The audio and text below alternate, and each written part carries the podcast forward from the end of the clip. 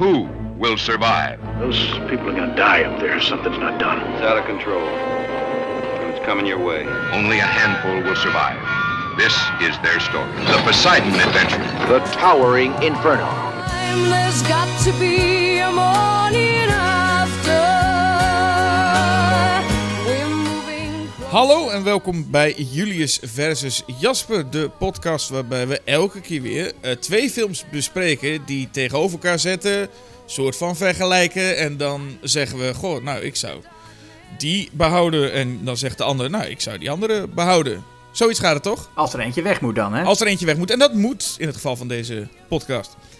hey, en eh, eh, Julius, jij bent er ook? Ja, ik ben Julius Koetsier. Ja, en, en ik ben Jasper, dus het is, we zijn compleet. We zijn compleet, helemaal. Het is goed. En we gaan ehm, het is over een interessant genre hebben. Ja, een genre waar wij allebei nog heel weinig ervaring eh, mee hadden. Eh, ik denk, ik gok zo, Jasper, Ja. dat voor ons allebei geldt dat de enige film die wij in dit genre hadden gezien eigenlijk een parodie is, namelijk Airplane. Nou, het ligt er even aan hoe breed je het... Het gaat over rampenfilms trouwens. Ja, rampenfilms van de jaren 70. En ik, ik kende dus alleen maar, ja, die, die conventies kende ik eigenlijk alleen maar van Airplane. En het, eh, het gaat om The Towering Inferno en The Poseidon Adventure. Zo. En dat doen we niet zomaar. Het is een suggestie geweest van iemand, van een eh, luisteraar... die een, eh, een recensie achterliet. Sparlock The Warrior Wizard. Mhm. Dus dat is ook niet de eerste de beste. Eh, die gaf dit als optie en wij dachten, eh, eh, laten, we, laten we eens doen. Dus Ja. Sparlock, deze is, deze is ook voor jou. Ja, ik vind het altijd fijn om, om, een, om een lacune in mijn filmkennis op te vullen. En dit was wel, ik vond het wel erg fijn om deze twee films te zien. We gaan er zo natuurlijk uitgebreid over praten. Ik had dus heel erg de associatie, Jasper, waar jij, wat jij de vorige keer zo belachelijk vond. Had ik de associatie met oud en nieuw met, de- met deze films. Ik vond het echt eh, films die je dan zo, zeg maar tussen kerst en oud en nieuw, of misschien net na oud en nieuw nog even, eh, gaat kijken. En die zijn er op tv. En dat, dat vond jij toen bespottelijk werkelijk. Maar wat blijkt, ik had gelijk, want de Poseidon Adventure speelt met oud en nieuw. Dat wist ik helemaal niet. Ja, oké, maar dat, dat zegt nog niks over The Towering Inferno. Nee, maar ook dat. Eh, maar die is namelijk veel langer. En dat is ook zo'n lange film die dan, als je gewoon. eh, eh, ik heb, het, is nooit, het is nooit zo geweest, voor zover ik weet. Maar ik kan me heel goed voorstellen dat in mijn huis vroeger de tv aanstond, zo tussen kerst en oud en nieuw. En dat dan de Towering Inferno opstond. En dat niemand er echt naar keek, maar dat we gewoon, weet je wel, zo'n zo, zo, zo'n film die gewoon opstaat. Nou, je zou ook het argument kunnen maken dat als ergens vuurwerk in te zien is, dan is het wel The Towering Inferno. Ook dat, ja. Sowieso dus twee films die veel eh, overeenkomsten hebben. Eh, Ja, ontzettend en de, de, de belangrijkste is natuurlijk eh, dat ze allebei een bijrol hebben van een Naked Gun acteur. Ik wist dat jij dat zou gaan zeggen. Ja. Ik dacht al dat jij dat wist, dat ik dat zou zeggen. Ja, Leslie Nielsen en eh O.J. Simpson. Die, eh, nou, O.J. Simpson is natuurlijk... Zijn bekendste rollen zijn denk ik wel The Naked Gun. Daarna heeft hij volgens mij niet zo heel veel meer, meer gedaan. Ik weet niet hoe het met hem is afgelopen als acteur. Ik ben hem een beetje uit het oog verloren. Maar eh, eh, Leslie Nielsen... Die was natuurlijk eh, van, van oorsprong in dit soort films... voordat hij in de parodieversies ging spelen. ja, en het is dus met terugwerkende kracht dat het moeilijk serieus te nemen is. Maar dat, is, dat was toen absoluut niet het geval. Nee, Leslie Nielsen was gewoon echt zo'n character actor die vaak autoriteitsfiguren speelde. En de reden dat hij in Airplane gecast werd, is dat hij een, eh, bekend was als een serieuze acteur uit rampenfilms. En het was een, een grap dat hij dan in Airplane zat. En daarna is die grap zijn hele carrière geworden. Ja. Ja, waaronder, waar eigenlijk ook Naked Gun misschien wel het bekendste voorbeeld is. En de belangrijkste naam die we waarschijnlijk wel die sowieso moeten noemen is producent Urban Allen. Het zijn twee Urban Allen films. Ja, Want dat is bijna een genre op zich, want hij is de producent van eh, nou ja, de, de, de rampenfilm. The Master of Disaster. Ja, hij regisseerde ook The Swarm, had je? Ja, in de bij jaren je. 70 met, met Michael Caine. En hij regisseerde, of hij, ja, volgens mij regisseerde hij ook het vervolg op de Poseidon Adventure. Eh, Beyond the Poseidon Adventure is, ja, Urban Allen inderdaad. Ah, met starring Michael Caine ook weer. Ook weer Michael Caine. Kijk, als Michael Caine erin zat, dan zei Irwin Allen, nou wil, dan doe ik hem wel. Mhm. En anders liet hij eh, iemand anders eh, eh, regisseren. Nou, in, eh, in The Towering Inferno benoemt de, de optiteling nog wel dat hij de actiescènes heeft geregisseerd. Oh ja, maar we gaan eerst naar Ja. de Poseidon Adventure. Die kwam dus iets eerder. En, en jij neemt het voor de Poseidon Adventure op. Dat is toch het concept van deze podcast. En ik Mhm. neem het op voor The Towering Inferno. Maar daarover later dus meer. Ja, Poseidon Adventure 1972 van Ronald Neame. Ja. Zullen we even eh, weer een, eh, een plotomschrijving doen? Ja, haal, heb- wa- haal er eens eentje tevoorschijn. Ik heb geen eh, video. Ik heb een DVD. Daar moeten we het dan helaas mee doen. Oké. Ik zeg helaas omdat de teksten op DVD's toch een stuk minder leuk zijn wel dan de oude videobanden. Vaak wel, hè? Heb ik gemerkt. Ja. En dit is dan ook zo'n wat nieuwe uitgave. Wat betekent dat ook de voorkant gewoon net zo goed die van de, net zo goed die van de remake had kunnen zijn. Oh, dat vind ik vervelend. Geen mooie, mooi artwork, maar gewoon eigenlijk... Nou ja, ik heb hier toevallig... Ja, ik zit toevallig de remake hier ook liggen. Ze lijken sprekend op elkaar, de DVD-hoesjes. Dat is jammer, hè? Ja. Dat is toch jammer. Maar goed, we gaan in ieder geval even kijken wat de achterkant zegt. Dan weten de mensen ook waar ze aan toe zijn. Eh, tien overlevenden worden gevolgd na een, eh, nadat een vloedgolf de oceaanstorm waarop zij zich bevonden kapseisde. Mhm. Machteloze paniek en de persoonlijke verhalen van de slachtoffers resulteren in een meeslepend en adembenemend drama. De combinatie van het gerenommeerde talent van Gene Hackman, Ernest Borgnine en vele andere internationale sterren en de ongelofelijke special effects maken deze Oscar-winnende film tot een ware klassieker. Nou, Nou, ja. ja, Nou, goed. Het gerenommeerde talent van eh, nou ja, vele internationale sterren. ja, dat is natuurlijk zo. Want je hebt het net over, over de, die lelijke DVD-hoes. Maar de poster van deze film, dat is een heel mooi schilderij van de, van de ramp, de oorspronkelijke poster. En daaronder staan dan, zoals vaak bij eh, dat soort films, dat vond ik altijd heel... Ik vind het echt iets, iets, iets charmants hebben. Heel veel kleine fotootjes van alle sterren uit de film. En dat zijn er enorm veel. En dat is ook naast de, de- het, het ding van deze films was inderdaad de grote setpieces met special effects. En de sterren die erin zaten. En dan, en, en dan zie je ook als je die poster bekijkt dat de Poseidon Adventure als titel, nou is niet super opvallend. Je denkt eerder dat deze film Hell Upside Down heet. Ja, Dat staat heel groot down, bovenop. Ja. Ja. Ja. Ja. ja, met allemaal inderdaad kleine eh, fotootjes van mensen die heel geschrikt, eh, verschrikt en schreeuwend moeten kijken. Mhm. En wie zien we zoal? Nou ja, je hebt dus Leslie Nielsen als de kapitein. Ehm, maar wat de, de achterkant al zei, de hoofdrolspelers hebben in ieder geval Gene Hackman ja, daar ga je. als een pastoor. Ja, een rebelse pastoor. Hij, hij, dat zie je ook in, in, in, de, in de openingsscène is hij al aan het bakkeleien met een eh, andere pastoor. En dan zegt hij ook gewoon over zichzelf van... Ja, mensen noemen mij eh, angry, rebellious, critical, a renegade. En dan weet je meteen, oh ja, dat is, dat is, hij, hij zit gewoon zichzelf te omschrijven. Zo, zo is de dialoog wel in deze film. Hè? Het is allemaal heel letterlijk en heel direct. Ja, en het is ook een intro-scène. We zitten op een boot. Als dat nog niet duidelijk was, is Ja. inderdaad de, de, de, de, schip. En in de openingsscène krijg je gewoon alle personages die we straks nog gaan volgen netjes even voorgesteld. Ja. Met dus een, een we zien een mannetje rennen. Red Buttons, die speelt Martin. Die rent rond. Die rent langs een stel. Mhm. Shelley Winters en Jack Albertson. Eh Shelley Winters, eh, eh, bekend actrice. En Ja, Jack Albertson vooral bekend als, in ieder geval voor mij dan, opa Joe uit, uit Willy Wonka. Oh ja, ja. Ja, nee, sommige van die, van die hoe noem je dat? Sommige acteurs zijn, ja, die waren dan toen grote sterren, maar die, die kent nu bijna niemand meer. Maar Jack Albertson was wel natuurlijk iemand die, eh, hij heeft een, een Tony, een Oscar en een Emmy gewonnen. Dus dat is, eh Toe heeft hij gewonnen. En dat is, eh, nou ja, maakt hem wel uitzonderlijk. Ja. Nou ja, en, en, en, en Shelley Winters is ook twee Oscars gewonnen. Mhm. Ehm, dus ik heb wel het gevoel... Ja, goed. Dus echt oprecht wat je noemt een sterrencast dan. Ehm, ja, eh, Ernest Borgnine had je nog niet genoemd. Die ook... eh, Nee. Ernest Borgnine en zijn wenkbrauwen. Ja, ik, ik denk dat het echt een Jasper-acteur is. Ernest Borgnine. Ja? Ja, dat, wel, een, wel een beetje. Ja, toch? Ja. Ja, ja, ja, wel een beetje. Maar dat is ja, vooral die wenkbrauwen ook, hè? Ja, vooral die wenkbrauwen. Die doen, die doen, ook, die doen, ook, een, die doen ook een hoop, zeg. Ja. Nou, en, en, en hij heeft zijn vrouw eh, Linda, Stella Stevens. Ja, Borgnar speelt een politieagent. En die is getrouwd met een voormalig sekswerker die hij dan eh, eerst gearresteerd heeft. En, eh, en nou ja, toen heeft hij haar zeg maar gered uit, het, uit, uit de prostitutie, is dan een beetje de suggestie. Mhm. En eh, nou, hij is met haar getrouwd. Ehm, en dan zijn er nog de broer en zus,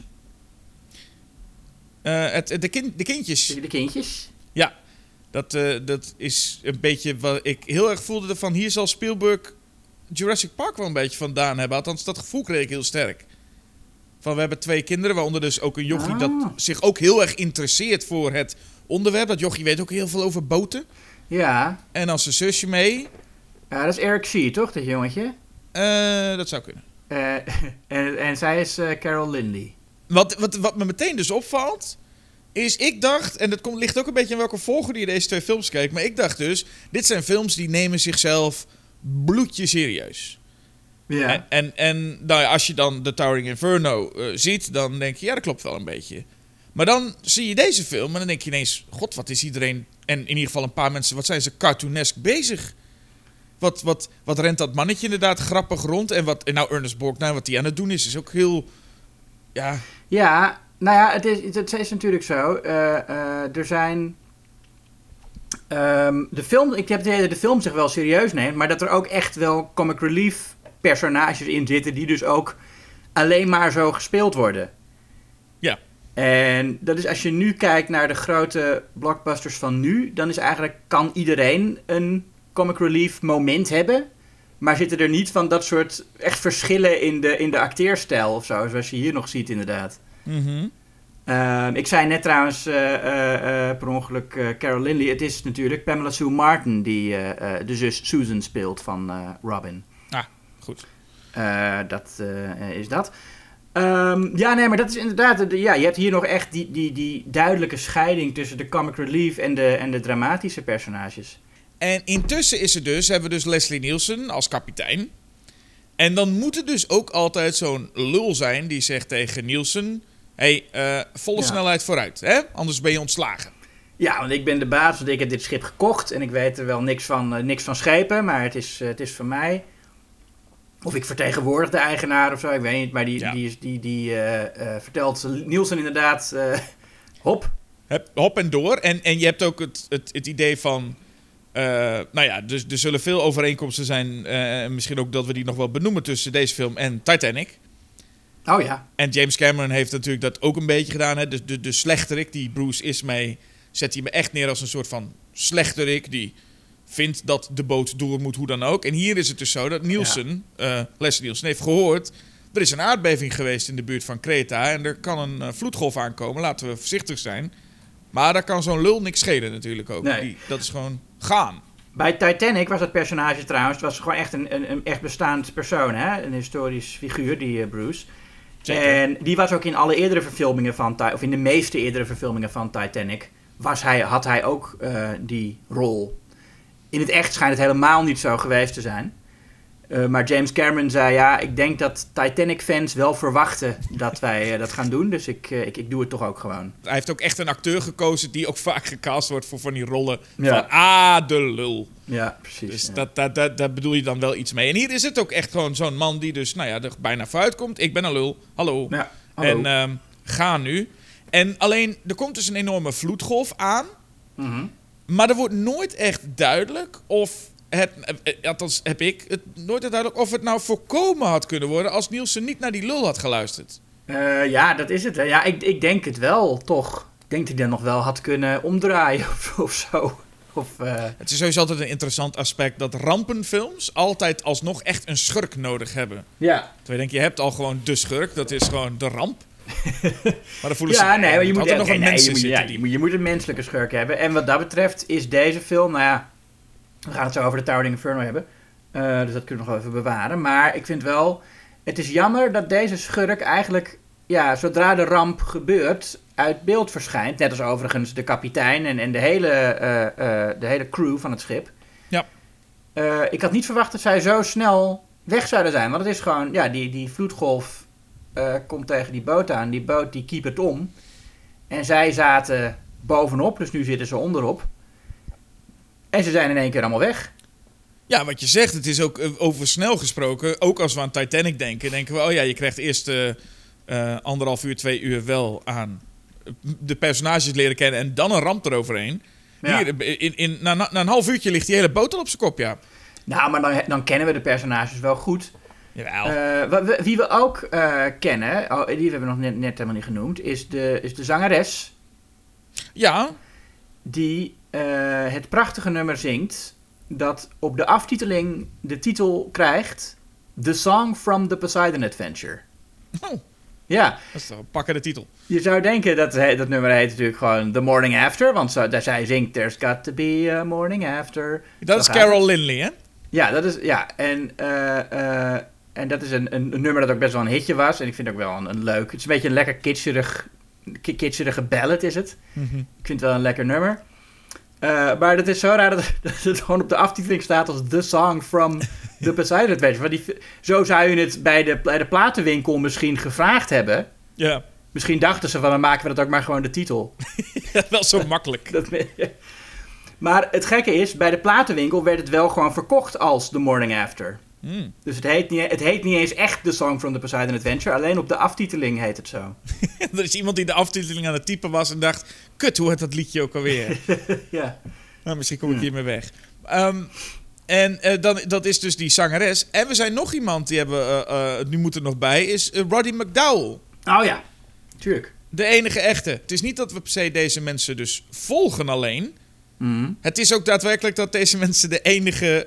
Nou ja, dat lijkt in, een tijdje zo. Gewoon de enige overlevenden zijn. Van die hele grote groep. Ja, nee, want die zaten allemaal... eh, die, die boot is, is, is ondersteboven geslagen. Eh, eh, dus ja, heel veel mensen zijn meteen dood. En zij waren dus feest aan het vieren. Ja, het was oud en nieuw. En ze waren feest aan het vieren in een grote zaal. En die zaal die hangt dus nu ondersteboven. Ehm en dan heb je een, een deel van de groep dat zegt... Nou, een deel is meteen dood. Je hebt ook een deel dat zegt... Wij willen hier blijven wachten tot mensen ons komen redden. Mhm. En Gene Hackman, die, eh, die, eh, nou, dat, is, dat is dus een, een, een rebelse pastoor. En die zegt ook: God helps those who help themselves. Hij zegt: ja, je kunt wel hier gaan zitten bidden, maar er gebeurt er niks. Je moet eh, op pad. En, en dan zal God je misschien helpen als je, als je, hè, als je, als je wat gaat doen. Ja, dat zegt hij ook al in die, in die preek eerder. Hè? Dan staat hij Ja. op die boot te preken en dan is het ook zijn... Hij gelooft dat God er vooral is voor mensen die zichzelf kunnen redden. Eh, maar goed, die, dat is de, de, die, eh, de, de, de- dus Gene Hackman neemt dan de leiding hè, en wordt, wordt, eh, wordt een beetje de, de protagonist op dat moment. En neemt een, een, een aantal van de mensen, dus de personages die we net hebben leren kennen, neemt hij mee om zelf op pad te gaan en niet daar te blijven wachten tot ze gered worden. Want hij zegt, dat gaat niet gebeuren, want de, de, de crew is dood. Nou, even over, nog even over, nou, ja, het- het- de eerste grote setpiece van de film is natuurlijk de ramp. Ik had er jetzt heel vaak dan stel ik me zo voor dat ze gewoon dat de regisseur zegt: Oké, en nou allemaal één kant op rennen en schuin gaan staan. Want de, die boot die, die moet natuurlijk eh, gaan, gaan kieperen. Ja. Maar die, die mensen die staan gewoon op, een, op, een, op, op de vloer. Dus de- ik, ik, en als mensen moeten acteren dat de ruimte waar ze zijn omkiepert. Dat is nooit helemaal overtuigend voor mij. Ja, dat is een beetje dat, dat Star Trek idee. Dat, dat, dat oh, we worden aangevallen en dan begint iedereen een beetje te schudden omdat het, eh, dat ze aangevallen worden. En te vallen. Ja, ik weet niet hoe je dat beter zou kunnen doen. Want ja, je, ik bedoel, je ziet gewoon mensen die schuin staan en doen alsof ze zich ergens aan vast moeten houden. Ja, dat, dat, dat, dat kun je. Nou, je ziet ook sommige mensen wel echt glijden, hè? Ja, en dan eh, tijdens. En er zijn ook wel duidelijk momenten dat er wel echt iets schuin staat.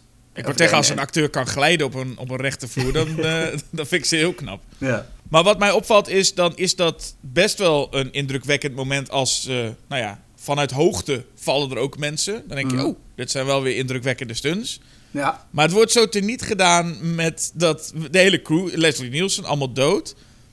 Maar het wordt er niet gedaan door de toch wel opvallende luchtige toon die er nog steeds is als die boot omver is, eh, op, op zijn kop hangt.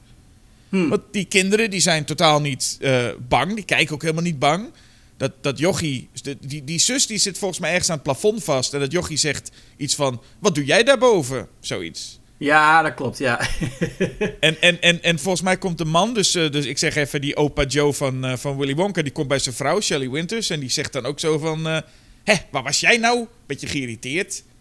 Hele boot op de kop en dan tegen je man zeggen, hé, waar was je nou? Ja, dat, dat stukje heb ik gemist. Maar dat stukje van die, die, die- dat, dat, dat broertje inderdaad, van wat doe je daar, is een beetje Suske en Wiske-achtig. Of zo, dat je dan... eh, Ja, en het, ja. Het, het staat zo, het staat omdat ze wel, het is wel echt een ramp. Ja, het is niet echt gebeurd, maar het is wel echt een, een, een ramp waarbij allemaal lijken daar waarschijnlijk ook liggen. ja, En dan is die.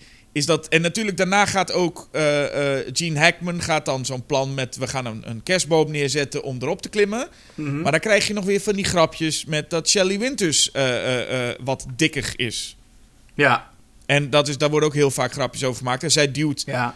en daarna wordt Gene Hackman helpt dan de vrouw van Ernest Borgnine. Nou, Ernest Borgnine acteert ook in het begin, ja, wat is het? Jaren 30 slapstick comedy achter met Why you little? Zo. Ja, ja, ja. ja het wordt, maar het wordt allemaal wel minder, die stijl, naarmate het dramatischer wordt. Zeker, alleen ik had al verwacht dat hij bij de ramp al klaar zou zijn. Dus Ja. dat hij na de ramp, als het bezaaid ligt met lijken, dat we dan nog even een doorgaan op deze, deze Mm. tour. Maar inderdaad, wat je zegt, want dan knippen we dus in diezelfde zaal ineens naar eh Nonnie, dus de, de, de zangeres. Ja, En die ligt dan met haar broer dood in de armen. En Martin eh, eh, Red Buttons die, die gaat naartoe. En ineens wordt het heel mooi droevig. ja die toonwisselingen, ik, ik, ik, ik kon dat wel goed hebben, moet ik zeggen. Ik denk, ja, er gebeurt natuurlijk van alles op zo'n moment. Het leven is niet alleen maar, eh, alleen maar erg of alleen maar eh, grappig. Nou, het mag toch wel heel even erg zijn op het moment dat je met, met z'n allen Nee, ja, nee, tuurlijk, tuurlijk, tuurlijk. over de kop bent gegaan. Maar goed, het, eh, eh, Gene Hackman probeert mensen inderdaad nog te overtuigen. Lukt niet, niemand wil mee. En ineens, dat is dan wel weer sterk, hè, dan ineens... ja, wel. Dan wil iedereen wel, want de, de boel ontploft. Ja, ze hebben dan zo'n soort zo'n, zo'n kerstboom van buizen waar ze mee omhoog klimmen. En Gene Hackman heeft eerst nou, ja, de vaste crew naar boven gehaald. Hè, de, de, dus de, de, de, men, de personages die wij hebben leren kennen. Waarbij alle vrouwen nog verteld werd van nee, je moet even je jurk uitdoen, want anders eh, kun je niet omhoog.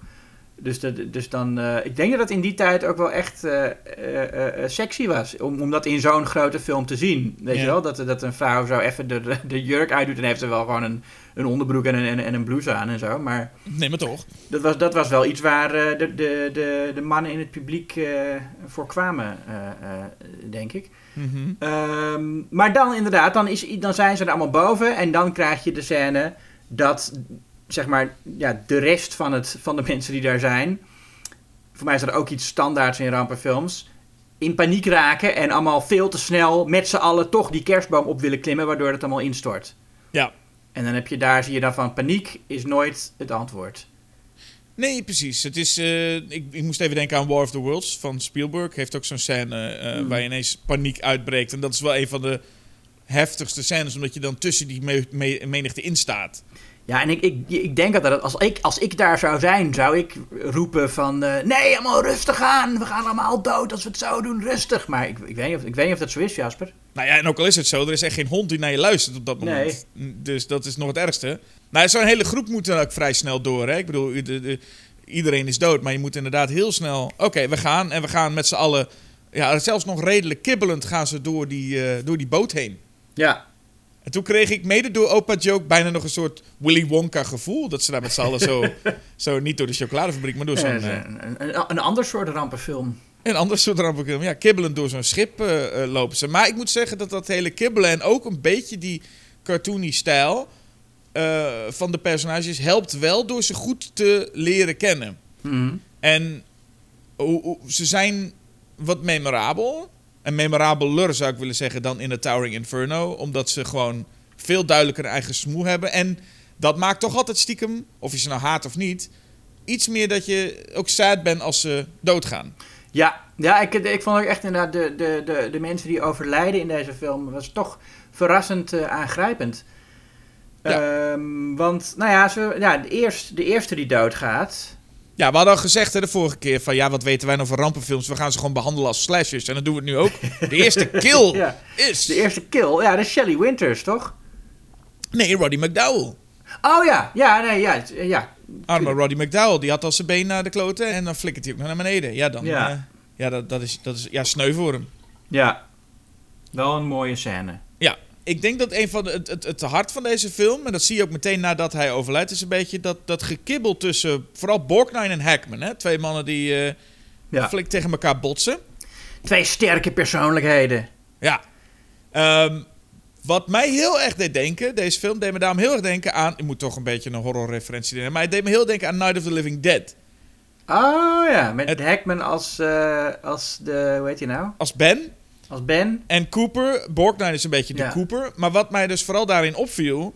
Wat bij Cooper, eh Borgnine, die worden namelijk allebei een beetje echt neergezet als de schurk. Als het, de, de, de minder sympathieke persoon. En Hackman is toch iets Ja. meer de held. En Ben ook. Alleen beide, dus als ik het heb over Cooper in Night of Living Dead of hier Borgnine... hebben wel een, gewoon een goed punt. En dat is wat ik altijd wel fijn vind, is dat het niet ook de schurk ook altijd maar hele Ja. domme dingen beweert. En hier is het zo dat Hackman die begint te schreeuwen op Borgnine omdat McDowell dood is. Van ja, je zou er toch op passen. En begint Mhm. heel boos te worden. Terwijl jij, Ja. wij hebben allemaal gezien, ja, maar Borgnine deed ook wat hij moest doen en sprong ook Ja. echt achter eh, Roddy McDowell aan, maar kon hem gewoon niet meer redden. Ja, ik heb ook niet het idee dat Borgnine een schurk is hoor. Hij, hij is een. eh, iemand die eh, vaak eh, het oneens is met de held, maar toch ook niet een personage waaraan je een hekel moet hebben. Hij, is, hij moet wel, hij moet een soort, soort hoe noem je dat? Eh, een beetje zo'n zo'n zo'n ruige eh, vent zijn, die dan wel irritant kan zijn en, en luidruchtig en, en agressief, maar die toch ook die, die niet, hij is niet kwaadaardig. Nee, nee, schurk bedoel ik inderdaad ook niet. Inderdaad, hij is echt een kwaadaardige persoon die eigenlijk stiekem een bom, bom had neergelegd. Maar hij is de, ehm, de wat min, de, gewoon de onsympathieke figuur. Ten opzichte, zeker als je hem dus vergelijkt met onze grote held. Die eh, elke dame zou, zou de grote held in de armen willen vallen. En dat is een beetje wat ik bij, bij eh, dat gevoel krijg ik dus een beetje bij ehm, Hackman. Terwijl je ook een heel goed punt is van ja, waarom luistert eigenlijk iedereen naar Hackman? Is ook gewoon eigenlijk niet zoveel meer dan een schreeuwlelijk die de hele tijd maar denkt: ik wil me gelijk hebben. Ja, het is meer, zijn, het is meer een soort zijn realistische wereldvisie. Van kijk, jullie kunnen hier wel wachten, maar we weten gewoon, de, die, de crew is dood. En die mensen die geloven dat misschien niet op het eerste moment. Maar hij, ja, ik bedoel, wa- wa- wa- waar zijn ze anders? Ze zitten toch eh, onder ons, Mhm. zitten ze in het water. Ja. Ik moet trouwens wel zeggen, dat over, over het water gesproken. Ehm, het water dat moet behoorlijk koud zijn. In de film of in het echt? Nee, in de, in de film. Ja. Is het, ik bedoel, het, het zou heel koud zijn, maar er is eigenlijk een nul erkenning in die hele film van als ze dat water ingaan, van hoe koud dat wel niet is. Wat ik wel een gemiste kans vond. Dat iemand op zijn minst zegt dat, wat, dat het zo koud is. Ja, dat zou toch nog wel wat toevoegen. En, en, en ik denk van, god, ze, ze stappen allemaal gewoon dat water in alsof het een zwembad is. Maar dat, dat is, dat is rond, het, rond het vriespunt volgens mij. Ja, dat is heel onplezierig eigenlijk dan. Ik denk ook dat je dan ook misschien wel het heel onplezierig gaat vinden om naar te kijken. Ik vond het ook heel onplezierig om naar te kijken, omdat ik dat... heb. Nou ja, en, en eh, eh, eh, wat ik ook altijd doe als mensen lang onder water zijn... dan bedenk ik altijd zelf van, hoe zou ik, dan ga ik ook mijn adem proberen in te houden... net zolang als zij onder water zijn. Ja, god, en dan ben je al lang dood, denk je, bij heel veel van die dingen. Heb je dat bij Mission Impossible geprobeerd? Bij deel 5, ja, dat hij in het water gaat, jawel. Ja, maar dat heb ik niet volgehouden, maar dat, Nou, dat doet- hoop ik probeer het niet, altijd wel. Eh, overigens, de tweede, even de tweede, voordat we eh, onder water gaan zwemmen. Dat is trouwens wel gek dat ik dat doe, want ik zit te denken... ik vind het helemaal niet tof dat die 4K-stoelen... dat je dan in je rug gestompt wordt als, als, als het in de films gebeurt. Dus dat, ik, wat dat betreft ben ik wel een hypocriet.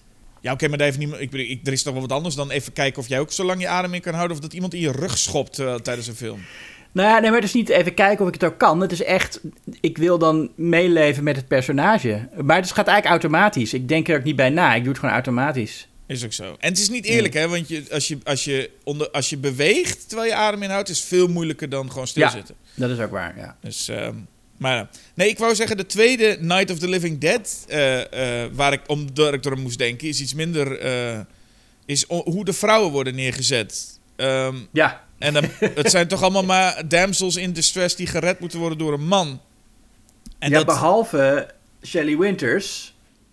Die redt een man, maar die moet dat dan zelf met de dood bekopen. Ja, die kreeg, nou, die kreeg inderdaad eh, eh, eh, nog een fijne scène. Dat Shelley Winters Ja. wordt eigenlijk een beetje ook gezien als het, als het pispaaltje met... Ahaha, je bent dik. Maar Ja. het is wel fijn dat zij aangeeft... hey, ik ben een zwemster, of was een, een goede zwemster. Mhm. Eh, laat mij nou... En als Hackman dan zegt... Nee, ik ben een man. En Hackman gaat, Ja. eh, gaat zwemmen. Dat zij hem dan redt. Het was in het oorspronkelijke script dus andersom. En ik ben heel blij dat ze dat omgedraaid hebben. Want in Ja. het oorspronkelijke script was het dus zo dat Shelley Winter zegt... hey, ik kan goed zwemmen, ik ga. Dan komt zij vast te zitten en dan gaat Gene Hackman... eh, eh, eh, maar, gaat haar, redt haar dan. Nou, dan, ik ben, dan Nee, heb ik echt een goede keuze dit nog. Ja, het is echt goed dat zij inderdaad zegt. Want Gene Hackman, die, het, het gaat dus, ze gaan duiken. Ze moeten ergens weg zien te komen. En de, enige manier, de enige weg die naar de uitgang leidt, is dan door in een stuk dat onder water is. En dan gaat Gene Hackman het eerst proberen. En dan komt hij vast te zitten. En dan komt hij maar niet terug. En dan zegt ze: Nou, nu duik ik het water in. En dan redt zij hem. Dan Maar dan is het heel raar. Zodra ze dan allebei boven zijn, dan lijkt het eerst gewoon heel goed met haar te gaan. En dan zegt ze gewoon, ja, ik heb je, nou, eh, leuk toch? Ja. Maar dan, opeens krijgt ze een hartaanval. Ja, ja, precies. Die komt ineens aanzetten. En Ja. dat, ik vind, is dat dan van de, je zei, ja, hoe, hoe kan dat? Is dat, waar, waar komt dat door? Nee, haar taak zat erop. Je hebt Gene Hackman gered, nu is het... eh, ga je opeens toen dood. zei God van, eh, nu is het wel klaar.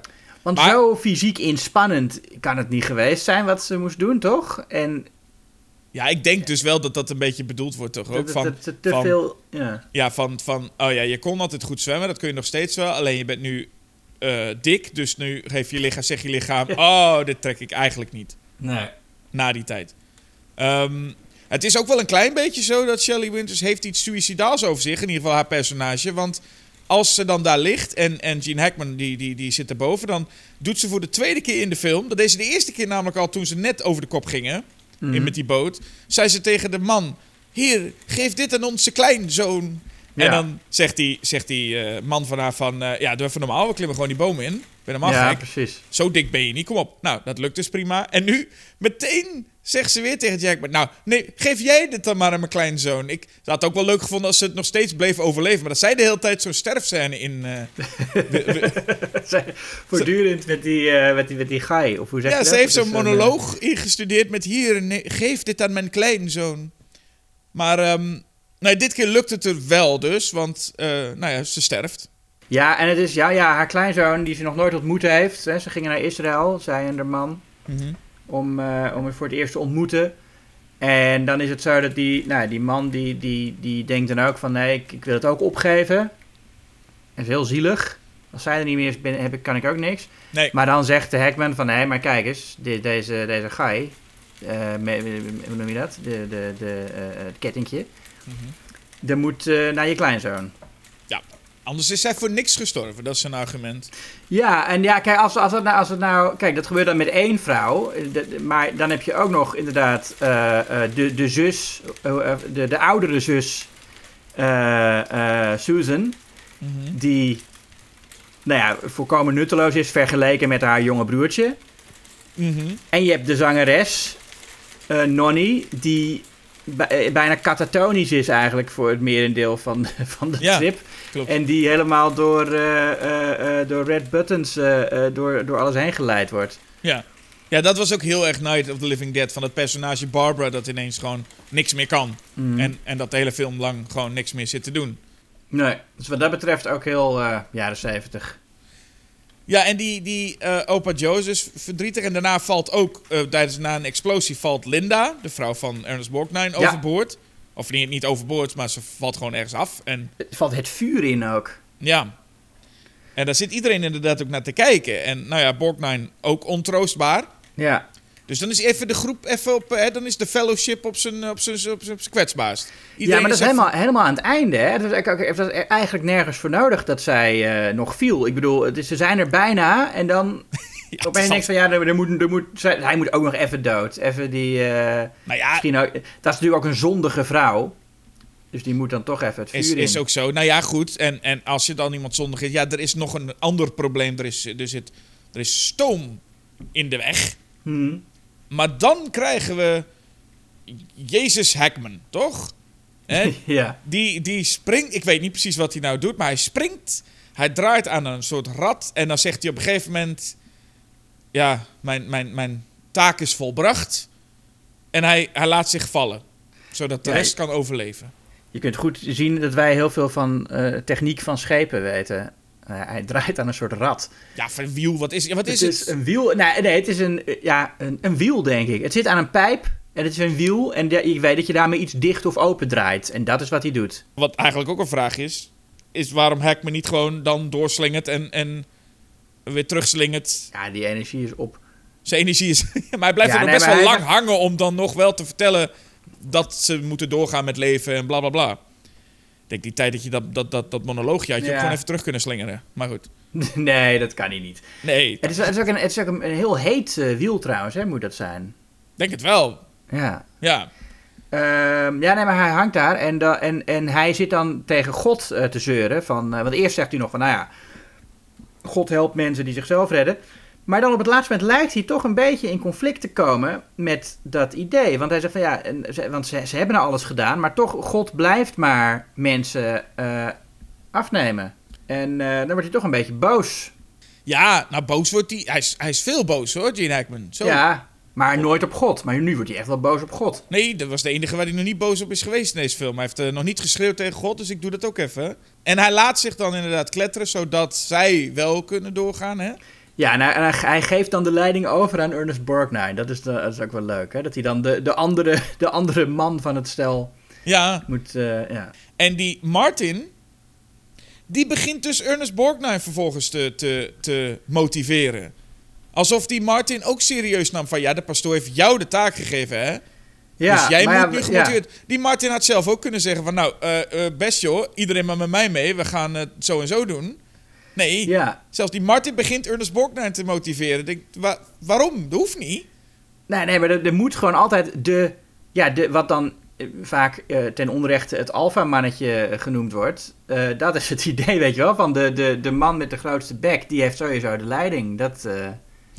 Ja, en, en, en Martin laat dus van zichzelf horen. In plaats van dat hij dan zelf de kans pakt, geeft hij, blijft hij maar doorgaan met... Nee, Borgnine, we hebben jou nodig. ja, ja. Nou ja, dat, dat moet dus gewoon. Hè. Als het estafette-stokje is doorgegeven... dan moet het gewoon door Borgnine gedaan worden. Ja.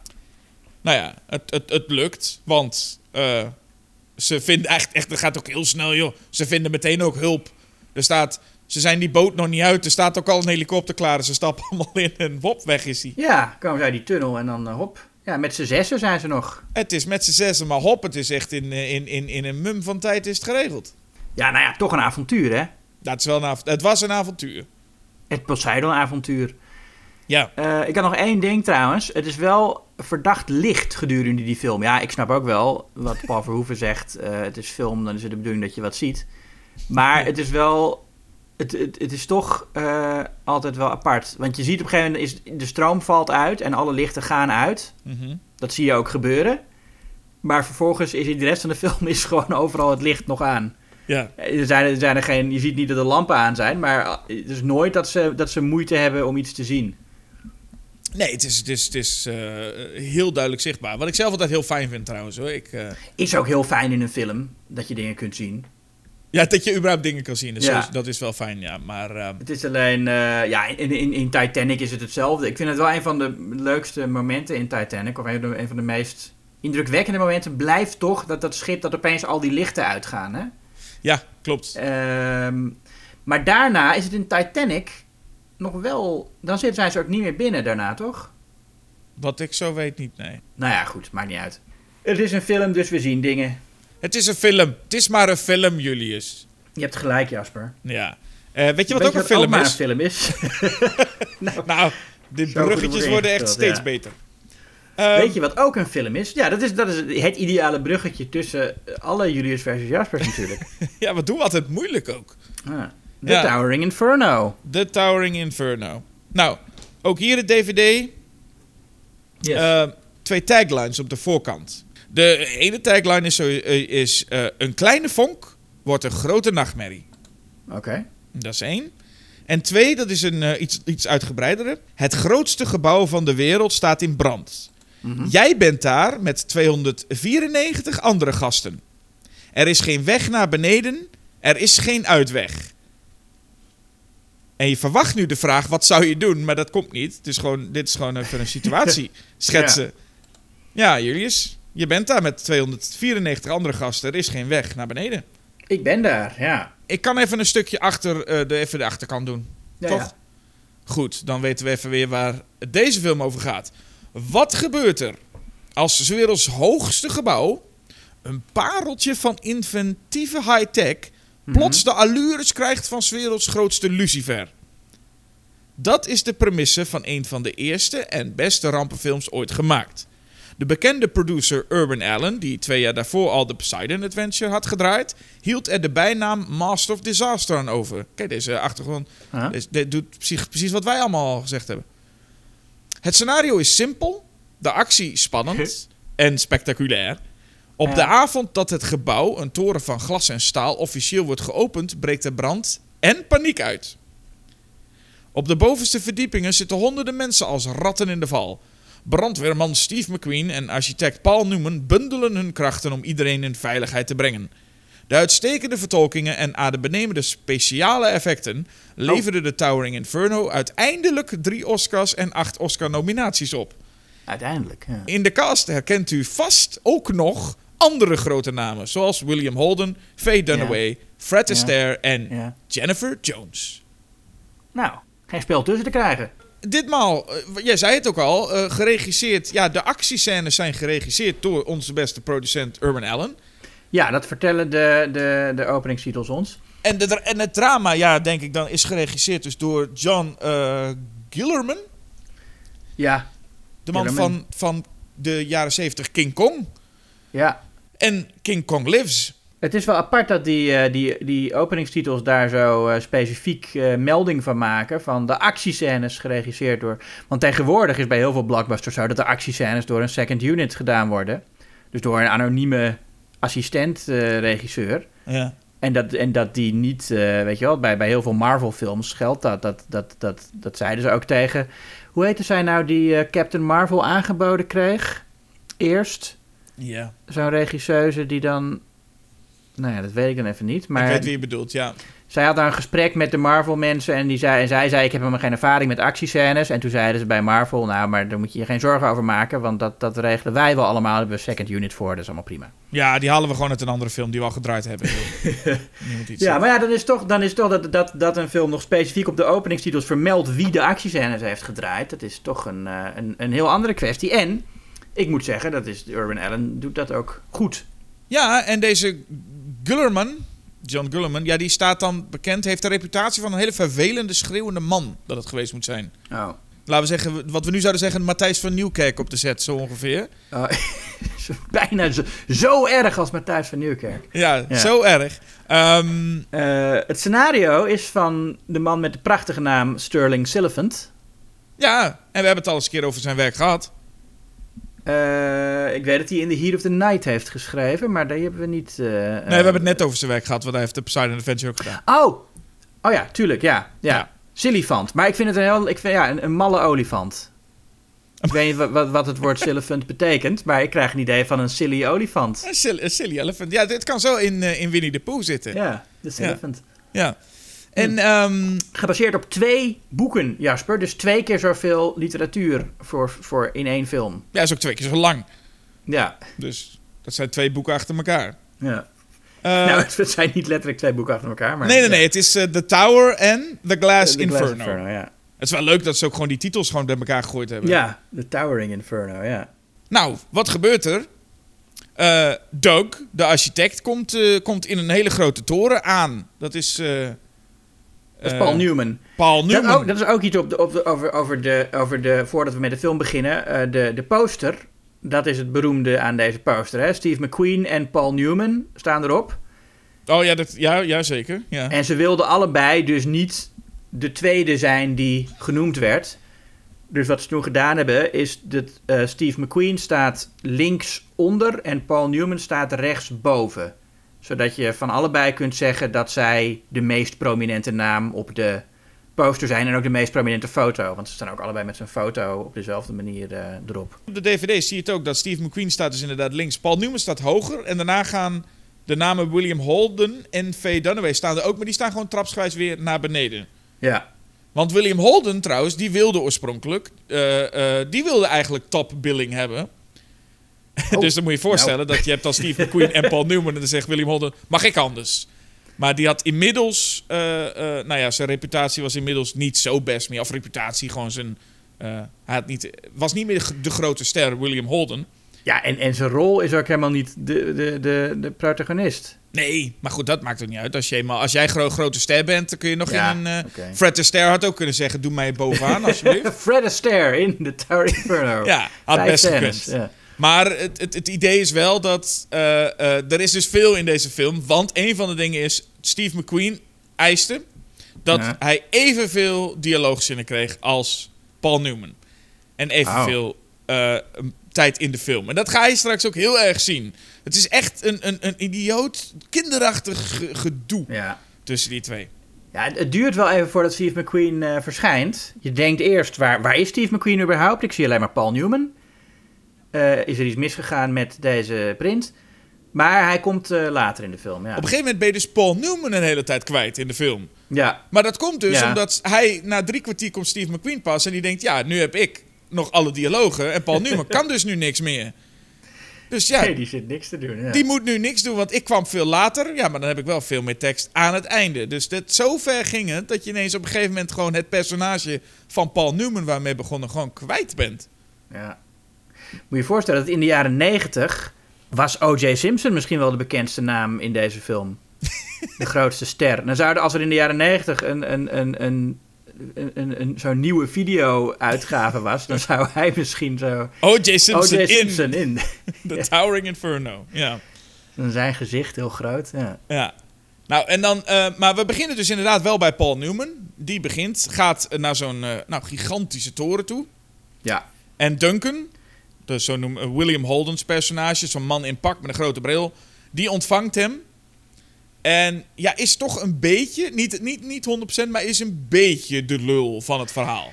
Ja, hij is, een, hij is de lul die zich gaat bedenken. Die, die, die tot, tot inzicht komt dat hij de lul is. Dat is dan een specifieke subcategorie van dat personage. Er zit ook nog een echte lul in. Ja, precies. Je, maar Maar, op dat dit moment, is dan de, de sublul. Ja, want, hij- want de sublul, die doet hier ook een beetje. Hè, die zegt tegen, want, want Paul eh, Newman die gaat, eh, die heeft een andere baan, die gaat zijn droom najagen, die gaat de stad uit, bla bla bla.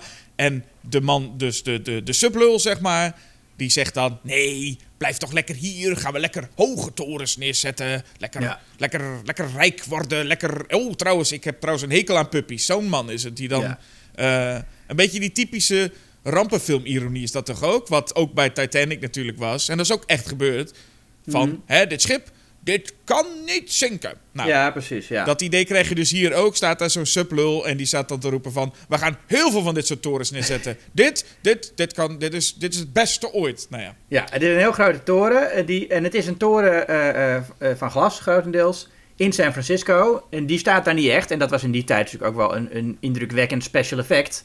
Mhm. Dat je door die skyline ziet met een toren die niet bestaat erin geplakt. Nu denk je dat, nu kijk je daar bijna overheen. Ja. Maar in die tijd was dat natuurlijk ook wel een bijzonder shot. Van dat het net lijkt alsof daar echt een toren staat die er in het echt helemaal niet staat. ja, en ik vind het Eh, ook best knap gedaan. Ja, is ook, zeker. En, eh, en, en, en de maquette is ook gewoon, ja, ik bedoel, niet, niet, dat is niet zo heel bijzonder, een, een maquette maken van een flat. Maar je gelooft wel dat hij er, dat hij er is. Ja. Ehm, ik vind vooral het interieur ook heel fijn van deze toren. Want Mhm. het is echt, ja, dan zit je echt in de jaren zeventig. Ik heb ze zelf niet meegemaakt. Maar als je dan zo in die, eh, in, in die lobby zit met, met een soort geel tapijt overal. En van die, van die kleine trapjes en, en, en van die oranje bureaus, van die glimmende or, fel-oranje bureaus. Mhm. En dan zo'n lift met, met, met eh, eh, houtpanels. Ik vond het echt heerlijk. Heerlijke jaren zeventig sfeer. Het is heel cozy. Heel Het is knus. ja, heel, le- het is- ja, sowieso zijn het allebei echt knusse films. Wat ik vooral heel fijn vond, het is een film van 2,5 uur. Hmm. Maar na 12 minuten hebben we het eerste vonkje al. Meteen eigenlijk zeg maar brand in, in, in, het, in de opslagruimte. Dat vond ik ook fijn. Ik denk of je gaat na een uur, anderhalf uur weer personages en daarna pas. Maar de ramp, nou de ramp niet, maar in ieder geval het eerste vonkje is al na Het eerste 12 minuten vonkje, ja. gaande. Ja, nee, want er gebeuren nog wel. Want ik, het verbaasde mij eigenlijk wel dat niet dat die film. dat ze eerst nog even naar andere plekken toe gaan ook. Hè? Dat, dat eh, Paul Newman gaat nog even op bezoek bij de echte lul. De echte lul, ja. Maar dat Eh. komt dus door dat vonkje. Er is iets mis. Ja, en precies. ze denken, potverdorie, er klopt iets niet in dit gebouw. En dat moet niet, want de burgemeester komt zo openen. Nou, dat is, dat is dus omdat. Kijk, die Paul Newman, eh, Doug Roberts, is de architect. En die heeft alles gezorgd dat het allemaal helemaal veilig is. Maar de schoonzoon van de eh, eigenaar, van dus de, de James Duncan, William Holden. Mhm. eh, dat is de echte lul van het stuk. Dat is Richard Chamberlain als eh, Roger Simmons. Ja. En die heeft dus eh, eh, nou ja, de kantjes ervan afgelopen. En, en om geld te besparen heeft hij allerlei eh, veiligheidsmaatregelen een beetje met de pet naar gesmeten. Maar dat geld besparen moest hij wel doen van Duncan de sublul, toch? Ja, nou, hij moest inderdaad het geld besparen. En hij heeft gekozen dat te doen door bepaalde elektrische dingetjes eh, anders te doen dan Paul Newman had bedacht, waardoor het minder veilig werd. Die lul doet dus nog wel heftige dingen, maar de, de sublul, dus Duncan, is ook gewoon de Jaws-burgemeester, toch? Ja, Want zeker. Ja. Hè, er is een, eh, een groot probleem, maar hij ziet het probleem niet. Hé, hey, eh, brand op de 81ste verdieping. Ja, maar we kunnen toch wel gewoon... Ja, want wel zij zitten, op, eh, zij zitten inderdaad op 135. Dan denk je, nou, zo, zo lang beneden ons, dat gaat echt niet helemaal naar boven komen. Dan we gaan gewoon even de brandweer en dan gaan wij ondertussen gewoon lekker door met dit feestje. Ja, precies. En nou ja, er de, de, de, de gaan op een gegeven moment wel wat slachtoffers. Meneer, de ene, ene Will Giddens is dan de eerste. Dat, dat, dat is iemand die dan voor een deuropening staat en dan eh, in brand vliegt. Ja. Dus dat is de eerste, nou ja, het eerste slachtoffer. En daardoor wordt ook de brandweer ingeschakeld. En hé, hey, daar hebben we de Steve McQueen. Ah, kijk. En wat ik dan een mooie scène vond, is de scène tussen die Duncan, die ook die architect Paul Newman wel een beetje onder de. Het is een beetje de, de grote baas, dus die heeft iedereen wel onder de duim. Maar dan komt Steve McQueen en die laat gewoon, die wint de scène. Door gewoon heel duidelijk te zeggen van, ja, als er brand is, dan ben ik de baas. Ja. Dus jij moet nu gewoon tegen iedereen gaan zeggen, naar beneden met z'n allen. Ja, ze zitten ook in de- ook die ruimte waar het feestje is, is ook prachtig trouwens. Met die hele mooie liftdeuren hebben ze daar. Ja, en die bar. Dat is echt, Ja, eh, het schitterende bar. Je wil er ook echt zijn, hè? Ik heb echt zin. Ik denk, ja. dat had ik ook, ja. Ik, had echt, ik vond het ook jammer voor hen dat ze weg moesten. Ik denk, ik had hier ja ook ik, vond het echt, ja, dat, ik, ik vond het echt heel jammer. Van, ja, ik snap het wel. Want het is, eh, maar ik dacht ook, ik dacht ook, ja, inderdaad zeg. Zij zitten op 135. Die brand, ja, dat is een brandje eh, op, op eh, weet je wel, zoveel, eh, eh, eh, hoe noem je dat? Het verdiepingen lager. Ja. Laat ons hier lekker gewoon doorgaan. Jullie blussen die brand. En weet je, als die brand al boven komt, dan is dat morgen pas. Ehm, ik, ik kon het allemaal wel begrijpen. als dus Duncan vertelt, jongens, we moeten de lift gaan gebruiken, eh, gaat er dus meteen, breekt er dus wel paniek uit. Mhm. En beginnen dus inderdaad die, die, die liften meteen helemaal vol te raken, et cetera. En die, die, die Simmons, die, die, die, de echte lul, die trekt ook echt zijn eigen plan, hè? En dat doet hij tot en met het einde. En daar wordt hij natuurlijk ook nog voor gestraft. Dat dan weer wel. Ja. Kijk, Billy Zane werd in Titanic niet gestraft, hè? Nou, jawel, uiteindelijk wel. Nou, uiteindelijk wel, maar het werd niet, hij werd niet gestraft als in, zoals, nou ja, het eigenlijk is zo'n rampenfilm. eh, Niet, niet tijdens de ramp, nee. nee, nee. Nee, wat een beetje het, meer het, het, het lot van Lovejoy is, toch? Die, eh, Ja, precies. Die krijgt... o- ook, ook niet heel bijzonder, vond ik trouwens. Maar die gaat er wel aan tijdens de ramp. Ja, Nee, precies. maar Billy zei, ik vind het misschien het is ook wel een mooiere straf... dat hij gewoon weet dat Rose ja, weg is en, en, en hem heeft verlaten.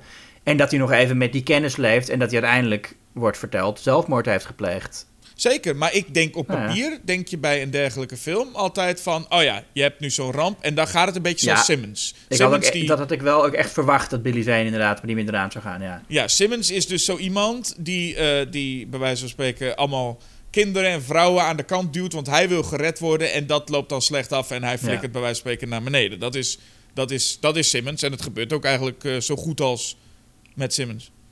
Ja, in een, in een heel goede actiescène ook weer. Ja. eh, met dat stoeltje. Hoe die Ja. daar. eh, ja, maar dat, dat, dat- en dat is echt. Ik kan me geen perfecter einde voor een schurk ook bedenken eigenlijk. Dan dat hij inderdaad. Dat, dat, dat stoeltje inrent en dan inderdaad mensen er nog aftrapt die, die er ook bij willen. Ja. En uiteindelijk met stoel en al naar beneden flikkert. Ja, dat is gewoon, dat, dat, is, dat, is, dat, dat is het. Dat is wat je wil zien. Dat is hem inderdaad, ja. ja.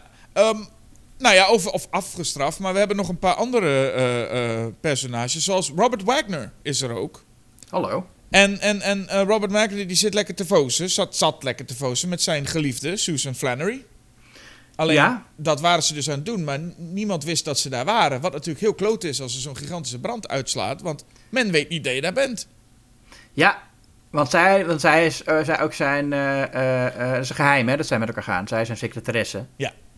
En ja, ja het is een geheim, eh, geheim eh, eh, eh, onder onsje. Ja, geheim onder ons, ja, dat komt ze duur te staan. Ja. Want Ja, dat is wel een, een gruwelijke moment hè. Ja, nou, ze zitten er inderdaad en, en komen dus tot, tot nou ja, nou, het- wat vooral is, hij heeft nog hoop, want hij denkt, ik ga het misschien redden. Hij, hij, hij trekt ook een natte handdoek op, over zijn kop. Mhm. Zo van, nou, ga ik, ik, ik ga wel een sprintje, ik ga het wel even een sprintje wagen. Ik dacht ook nog, dat zal hem dan ook wel lukken. En ik vond ook het shot dat hij door die Vlammenzee rent, echt heel mooi. Ja. Hij vliegt ook vrijwel met, meteen in de fik hè. Hij vliegt wel meteen in de fik. Ja, Hij heeft die natte handdoek. Het is bijna zo alsof, alsof dat vuur denkt, die natte handdoek, daar ga ik op af. Maar het is wel ongelooflijk mooi, eh, mooi gefilmd. Dit ja, met slow motion en, eh, en eh, mooie score van John Williams. Trouwens, hebben we ook nog helemaal niet gezegd. Maar zowel deze als Poseidon Adventure, muziek van John Williams. Muziek van John Williams, klopt, ja. En ja, het is dus zo dat hij vliegt dus in brand. Dan moet je je voorstellen, Susan Flannery zit daar naar te kijken en denkt, ja, kut. En moet dan zelf, ja, dan, dan weet ze ook van, ik ga ook. Ja. En dan, al, dan vliegt zij ook in de fik en al brandend springt zij uit dat raam. Met de hand voor haar gezicht. Ja. Zo- Zodat we niet zien dat het een, eh, een, eh, een pop is die daar uit het raam wordt gegooid. Precies. Maar eh, het is wel echt heftig, ja. Ja, het is een horrorfilm op dat moment. Ja, een echt een heel mooi eh, slow-mo gedaan. En ja, ik vind dat, dat dat laatste shot, ik vind het wel jammer dat je echt, echt duidelijk ziet dat dat een pop is. Heel Ja. stijf. Eh, en, en, en, en de hand voor het gezicht. Maar de scène op zich is, is heel sterk. ik kan me ook heel goed voorstellen dat, zeker na 9-11, men ook wel heel anders naar deze film kijkt. Oh ja, zeker. Ja. wat het nog een soort van ja, popcorn vermaak is. En nu kijk je toch waarschijnlijk met z'n allen wel iets anders naar mensen die uit een brandend flatgebouw springen. ja, uit een brandend flatgebouw springen is niet meer de, de, de onschuldige pret die het eh, ooit was. Ja, dat kun je je voorstellen. Maar het grappige is dat Poseidon Adventure dan ook dat wel is, terwijl Titanic ook gewoon gebeurd is. Ja, maar dat is lang genoeg geleden. Zal het lang genoeg geleden zijn? Nou, Ja, we... dat en, en, en dat er geen eh, ideologie achter zat, natuurlijk, de, achter de, achter de Titanic-ramp. Maar anders met die theorie kunnen we berekenen hoe lang het duurt voordat we mensen uit flatgebouwen springen weer leuk gaan, eh, gaan vinden. Dan ga je weer gezellig met het gezin uit een brandend flatgebouw springen. Echt, ja, dat kan het. Het kan weer, jongens. Het kan weer, mensen. Na een uur en een kwartier hangt Paul Newman al in een soort ja, ontploft trapgat. Ja. En dat vond ik dan een hele mooie stunt. Maar ik dacht wel bij mezelf toen dat dan gebeurde van... Hoezo is deze film eigenlijk nog niet eens op de helft? Want het voelde als Ja. een soort van laatste... Weet je wel, zoals in, in, in Poseidon Adventure... Hij hangt in dat trapgat. Voelde een beetje als eh, eh, ehm, ehm, Gene Hackman hangt aan dat radwiel ding waar hij ook aan hing. Maar het is echt gewoon nog... Het is gewoon een scènetje in het midden. Ja. Er gaat nog Ja. heel veel meer gebeuren. En ik ja, gaat, ja. Maar en, interessant. en dat is de scène waarin hij eh, onder andere, volgens mij, toch die, die kinderen redt. Ja, dan moeten hier de kinderen en nog een En vrouw is- mee. Ja, dan, dan ontpopt hij zich even tot de Gene Hackman. En neemt hij die mensen mee naar, eh, eh, naar, naar beneden. Ja. En dan heeft hij ook weer, net zoals Gene Hackman is het... En, nou goed, bij, in, in Poseidon Adventure was de... hier is, is het jongetje ook ouder dan het meisje. Mhm. Het meisje is echt een kind, dus hier is het ook wel logisch dat hij dat doit. Maar in Poseidon Adventure is het, is de, is de, is het broertje jonger... en geeft Hackman alsnog het broertje de leiding over zijn zus. Eh, hier is het wel gerechtvaardigd omdat de zus eh, eh, echt, echt vier is of zo, of vijf. En zegt een klein meisje, ja. Maar goed, de, die moet zich goed aan Hackman vasthouden. Dat is allemaal, allemaal leuk, allemaal goed. Die is een echte, echte held. Dat is wel typisch, hè. De, dat mis ik wel aan de filmsterren van nu. Ehm, voor zover die er nog zijn. Dat dit zijn... Je hebt ja, mensen zoals Gene Hackman en Paul Newman en Steve McQueen. Het zijn knappe mannen die er echt uitzien als filmsterren. Maar het zijn ook heel overtuigende, gewoon normale mannen. Je zou, weet je, als, als, als Paul Newman gewoon een, een- kamer binnenloopt en zich als een normale man gedraagt, is het gewoon een normale man. Ja. Eh, dat zie je, ziet nu, ja, ik, als, je- als je bijvoorbeeld als je kijkt naar iemand als, eh, als eh, Chris Evans of zo, die kan geen everyman spelen volgens mij. Nee, daar zit, daar zit, ze zijn te mooi, te... Ja, het lichaam alleen al zeg. Ja. Ik, eh, hoe heet die gast die in The Bear speelt? De hoofdrol van The Bear. Oh ja, ja, ja, ja Ik klopt. zag laatst zo'n zo'n Calvin Klein advertentie van hem. Ja. Dat hij ook super ripped is. Hij heeft echt een, een, een, een lichaam waarvoor je gewoon een week lang eh, uren, eh, dagelijks, niet, niet een week, maar ik bedoel, eh, elke dag uren in de sportschool moet zitten. ja. En die speelt dan een kok op tv. Ja, denk, die, die, die heeft echt geen tijd daarvoor. En, en, die, en die eet ook graag. Je zou toch het kunnen verwachten. Kijk, ik, dat, dat, dat een studio verwacht van bepaalde acteurs. van je moet getraind zijn om een superheld te spelen. Oké. Ik zou dan ook zeggen, je moet, als je gewoon een normale gast wil spelen. moet je dat, die sixpack kwijt. Ja. Maar ja, dat, eh, was, dat was toen allemaal nog niet. Toen, wa, toen zagen ze er nog gewoon. hadden ze nog een gewoon, eh, gewoon, gewoon lichaam, Jasper Ja. en een gewone uitstraling. Maar tegelijkertijd waren het echt filmsterren. En als Steve McQueen met die, met die prachtige blauwe ogen van hem eh, naar, naar, naar jou kijkt, dan smelt je ook. Ja. Dus die, die, die combinatie, eh, die, die zie je niet meer. Kijk, Paul Newman, het is mooi. Hij is echt een held zoals een, een gewone man ook een held kan zijn. Weet je? Hij, doet, hij doet ook niks wat, eh, eh, wat ik me niet zou voor kan stellen dat ik zou doen als ik in die situatie, weet je wel, zijn, zijn dapperheid zou hebben. Ja. En dat is het, het, het mooie eraan. Ja. Ehm, maar oh, nog het laatste over die scène waarin hij dat gezinnetje aan het redden is. Dan is er ook een soort. Dan zie je de- aan het einde zie je dat trapgat waar ze allemaal boven bungelen. Mhm. Maar dat wordt pas in beeld gebracht als ze allemaal al veilig zijn. Dan zie je nog heel even dat gat waar ze in hadden kunnen vallen. Oh ja. En het is nog maar heel kort in beeld. Ja. Ik denk omdat ze zelf ook wel wisten dat dat niet zo'n heel goed schilderij is. Want je ziet echt heel duidelijk dat het gewoon een geschilderde paar afgebroken trappen zijn. Ik, ik, denk, ik denk dat Irvin Allen dat zag en dacht, nou, dit is niet overtuigend. Hier gaan we niet, eh, Doe maar even kort. ja. Op een gegeven moment, dus iets later in de film, gaat Paul Newman nog een keertje door zo'n soort van buizenstel heen, geloof ik. ja. En wat ik daar merkte is dat ik hier de muziek van John Williams echt heel tof vond. Ja. Want ik ben aan, als ik aan John Williams denk, denk ik vaak aan nou ja, grote orkesten en, en van die herkenbare bare themes. Mhm. En, en hier zit een soort van bijna meer sound design. En het gaf een beetje die, die Chernobyl vibes, die, die, die HBO-serie. Dat is echt heel. Nou ja, het nummer heet Down the Pipes. En als je dat opzoekt, het, het, het voelde heel minimalistisch, maar heel sfeervolle, eh, best wel een beetje engige muziek. Als Paul Newman door die, door die buizen heen kruipt. Daar zijn ook eh, mooie, eh, eh, eh, daar zijn wel mooie eh, schilderingen. Trouwens, als je die diepte onder, de, onder het buizenstelsel. Ja, zeker mooi.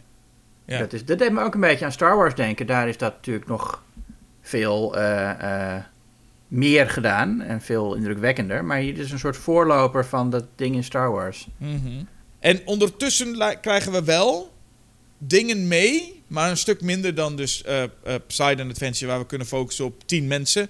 Wat mee Mhm. van wat, ja, wat menselijke personages die niet onze hoofdrollen zijn. Wat ik een goede, mooie relatie vind, is die tussen Jennifer Jones en Fred Astaire. Ja.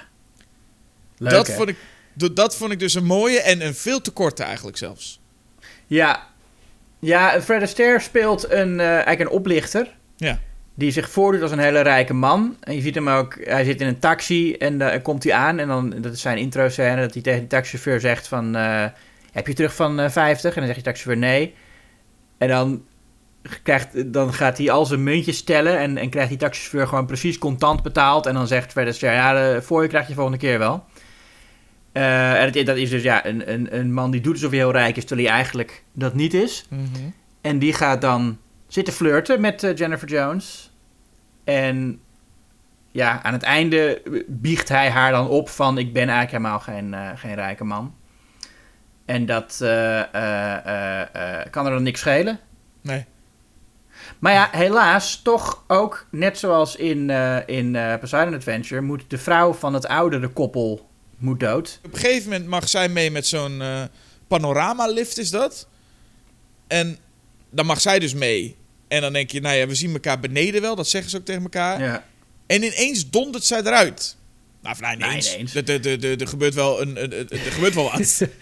Ja, die lift gaat stuk. Zij, zij, er valt, er dreigt een, ook een kindje uit te vallen. En, dat, en zij probeert nog dingen, mensen te redden. En dat lukt ook allemaal. Maar zij zelf valt dan... eh, ja. Ja, maar dit gaat, dat, dat ze eruit valt, dat gaat zo gewoontjes. Het was een beetje Ja. alsof ze gewoon een figurant was. En ik, je had het makkelijk kunnen missen, want er gaat gewoon iemand met een witte jurk.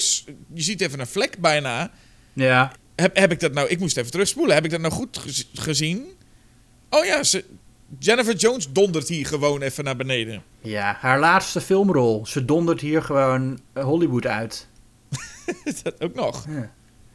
Nou ja, en dat is wel echt heel eh, treurig. Ook ja, voor haar natuurlijk ook wel, maar ook vooral voor Fred Astaire. Die dan aan het einde van de film beneden staat. Haar dus aan het zoeken is. Ja, het is echt zielig. En, en dan, nou ja, het equivalent, volgens, of het ding van, in, in plaats van het, het gaaikettingje in, eh in Poseidon Adventure, is hier dan de kat van eh, Jennifer Jones die hij krijgt. Ja, hij zit in één keer, hij zit haar echt te zoeken. Hij roept daar rond en ineens roept, wordt hij door iemand geroepen. En dan krijgt hij van O.J. Simpson een kat in zijn handen gedrukt. Ja. Ehm, Hoe O.J. Simpson dat weet trouwens, dat is een raadsel, hè? Want wij weten dat wel, want Jennifer Jones zegt, oh, mijn kat zit nog boven. Ja.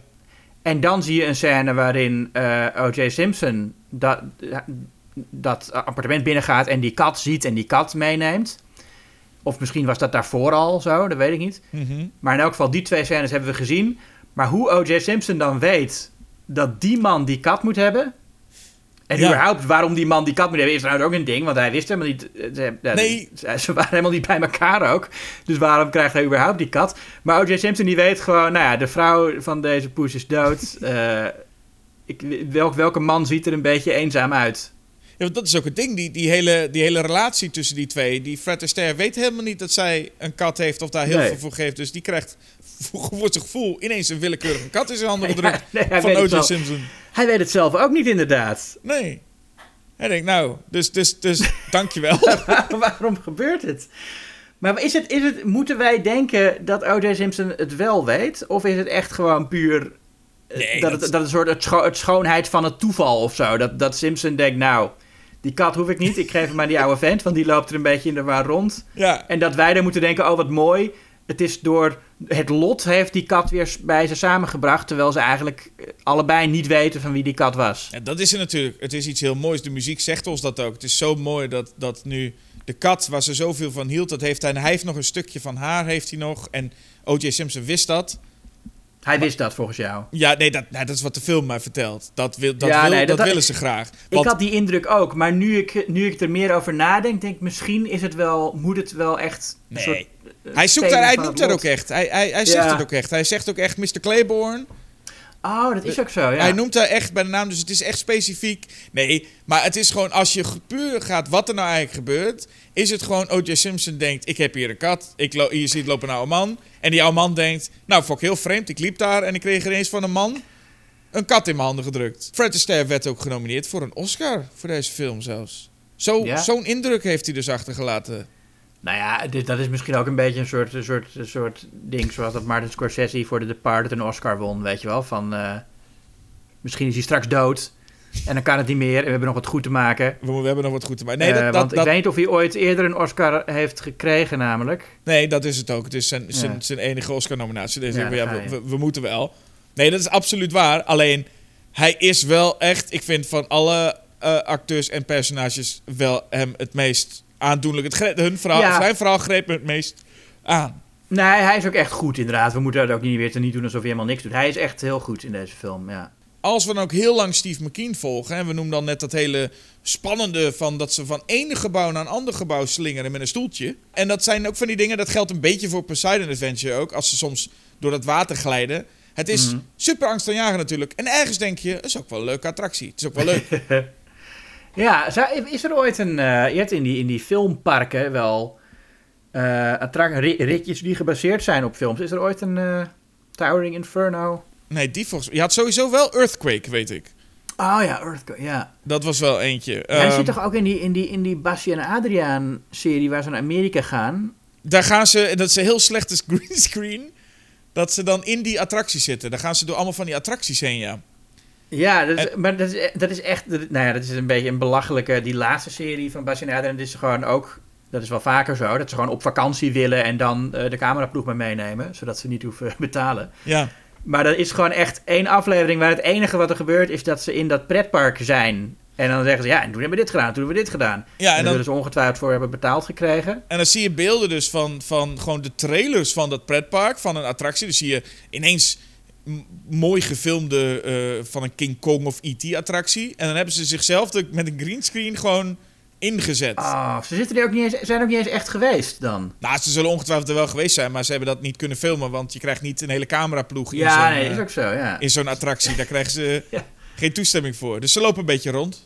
En die boeven, die zijn ook geen moment... Dat is het ding aan die laatste serie. Zij zijn echt geen moment tot de laatste aflevering, volgens mij... weten ze überhaupt dat de boeven er zijn. Dus het is ook helemaal geen avontuur voor Basje en Adriaan. Het is gewoon een vakantie voor hun. Nee, klopt. En die boeven, die zitten, die zitten er achteraan... en die worden steeds net op het laatste moment... door hun eigen onkunde eh, geveld. Ja, op een gegeven moment hebben ze zelf zo'n zo'n zo'n vliegtuigje, als een soort drone, laten ze die gewoon een beetje rondvliegen. En dan zitten ze in een hotelkamer gewoon te kijken met, ja, daar lopen ze. En dat was het. dus het is ook gewoon echt de, de minimal effort van alle kanten zo ongeveer, ja. Ja.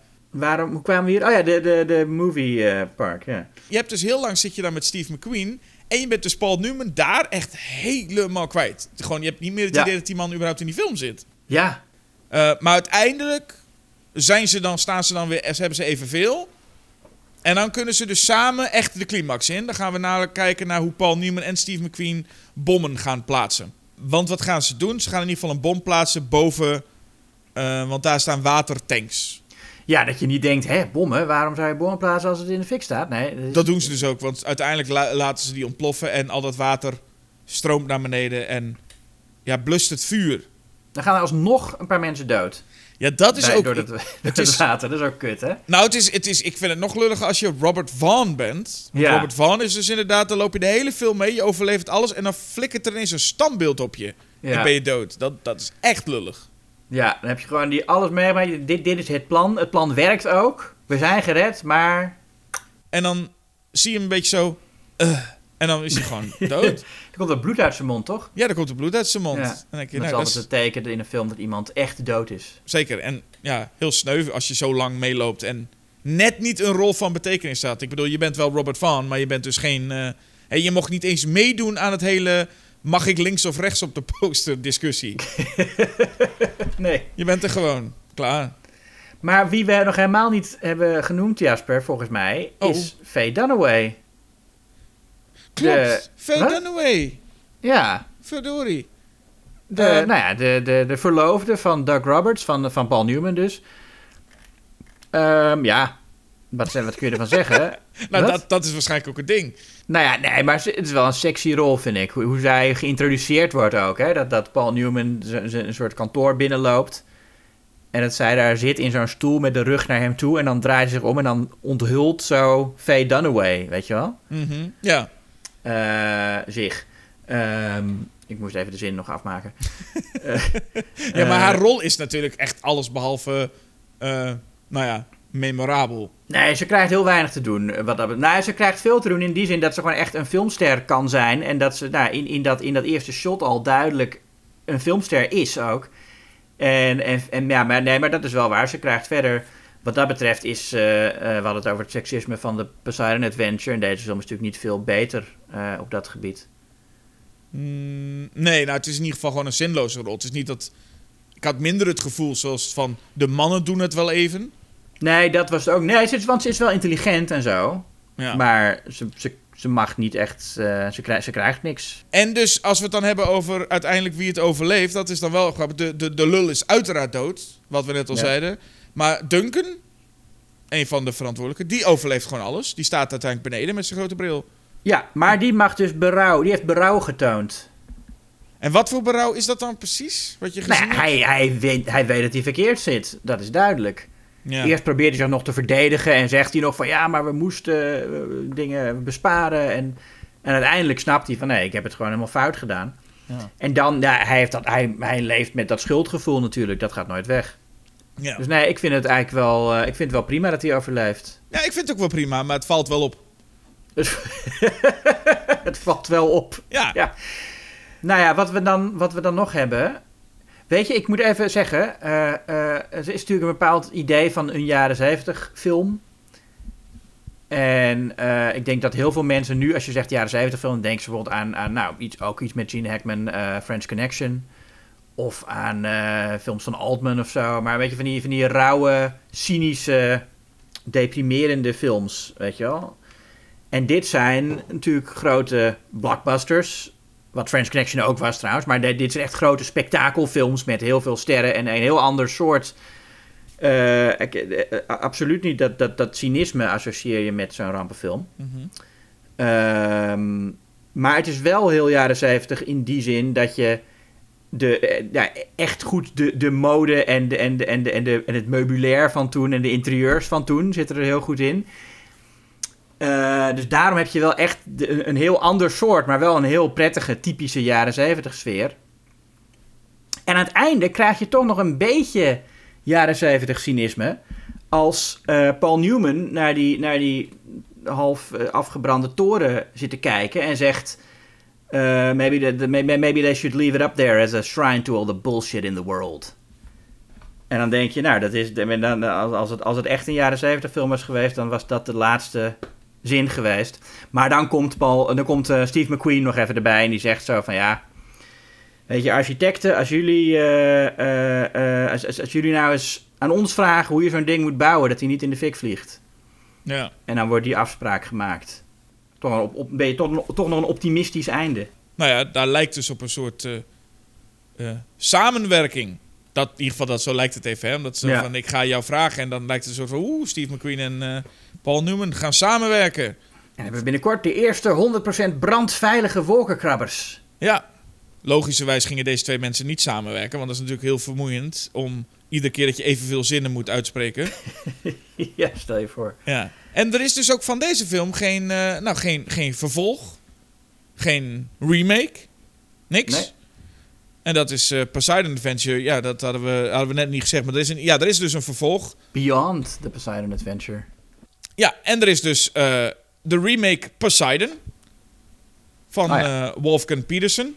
Nou heb ik die, het vervolg niet gezien. Maar ik begrijp dat dat dus zich gelijktijdig met de eerste film afspeelt. Maar dat we dan andere mensen volgen die er dus stiekem ook waren. Die we, niet gezien, he- die we, die we nu niet gezien hebben. Oh? Ja, dat er een aantal mensen ook dieven inbreken bij dat schip of zo. Eh, eh, of piraten of zo, die dan eh, ook daar rond gaan lopen. Zoiets. Het is wel interessant om gewoon dezelfde ramp nog een keer te doen. Want heel vaak denk je bij zo'n vervolg van een rampenfilm... Ja, gebeurt het nou weer? ja, moet ik er afgelopen zijn zeg. Ja. Wat ik wel vind trouwens, als, even om de vergelijking te maken. Kijk, Poseidon Adventure ben je dus de hele tijd op dat schip. En heb je ook echt zo'n gevoel van ontsnappen is... is dat, we, we moeten hier ontsnappen. En het is, het is niet onmogelijk, maar het is wel heel moeilijk. En dat gevoel, dat, dat blijft bij je. En bij The Towering Inferno zit er best wel wat scènes waar je weer op de grond bent. Of met andere personages. Maar er worden ook gewoon tussendoor mensen gered die dan in zo'n stoeltje naar beneden. Dat gebeurt ook al eh, vrij vroeg in de film. Dat mensen, en zelfs de eerste mensen die met de lift naar beneden zijn gegaan tijdens de brand.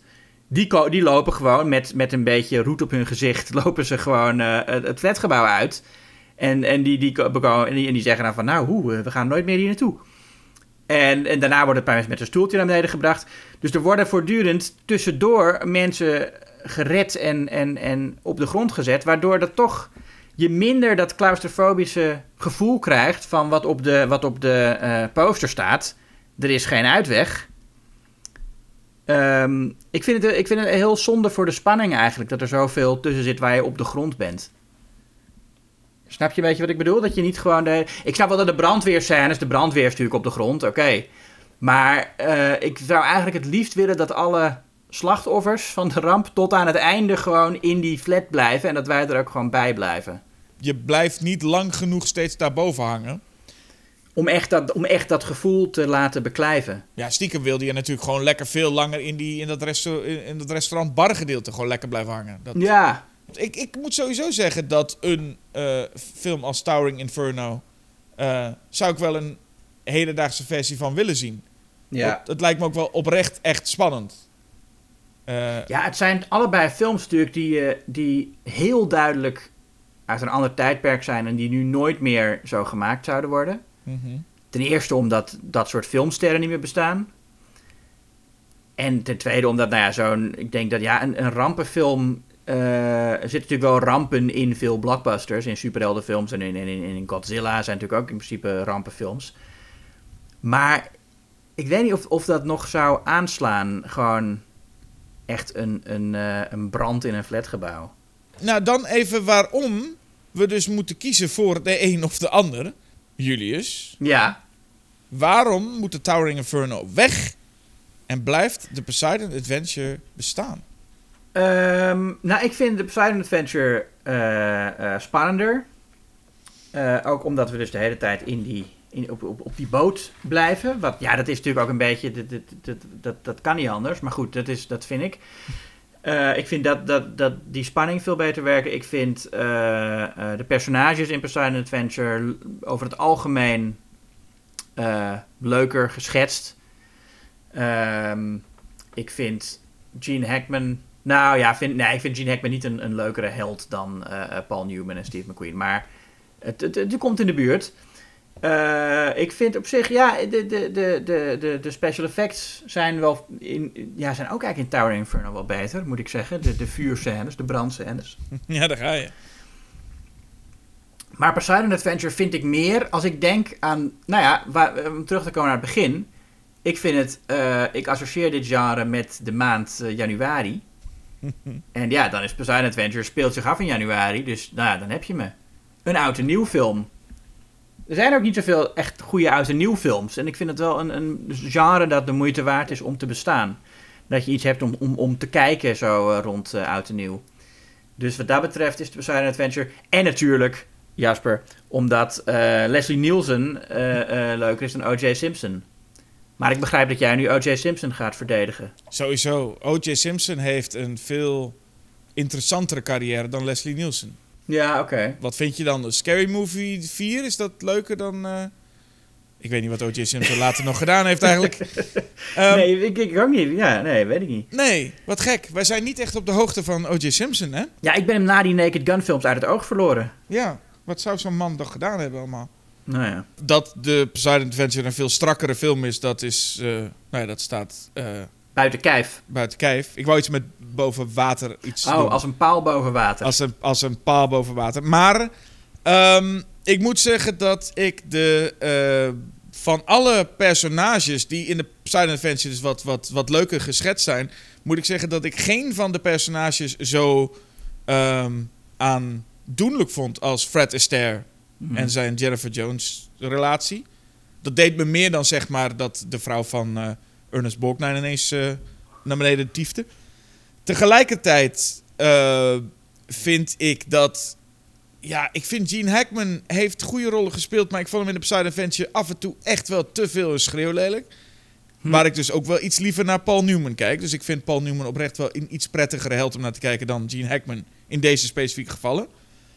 Maar misschien is het ook wel omdat ik nou ook die remake van Poseidon eh, heb gezien. En die is zeker niet zo goed als het origineel. Maar je hebt ook dus nog een vervolg. En je hebt Titanic. Dus is Towering Inferno niet een iets uniekere film? Jawel.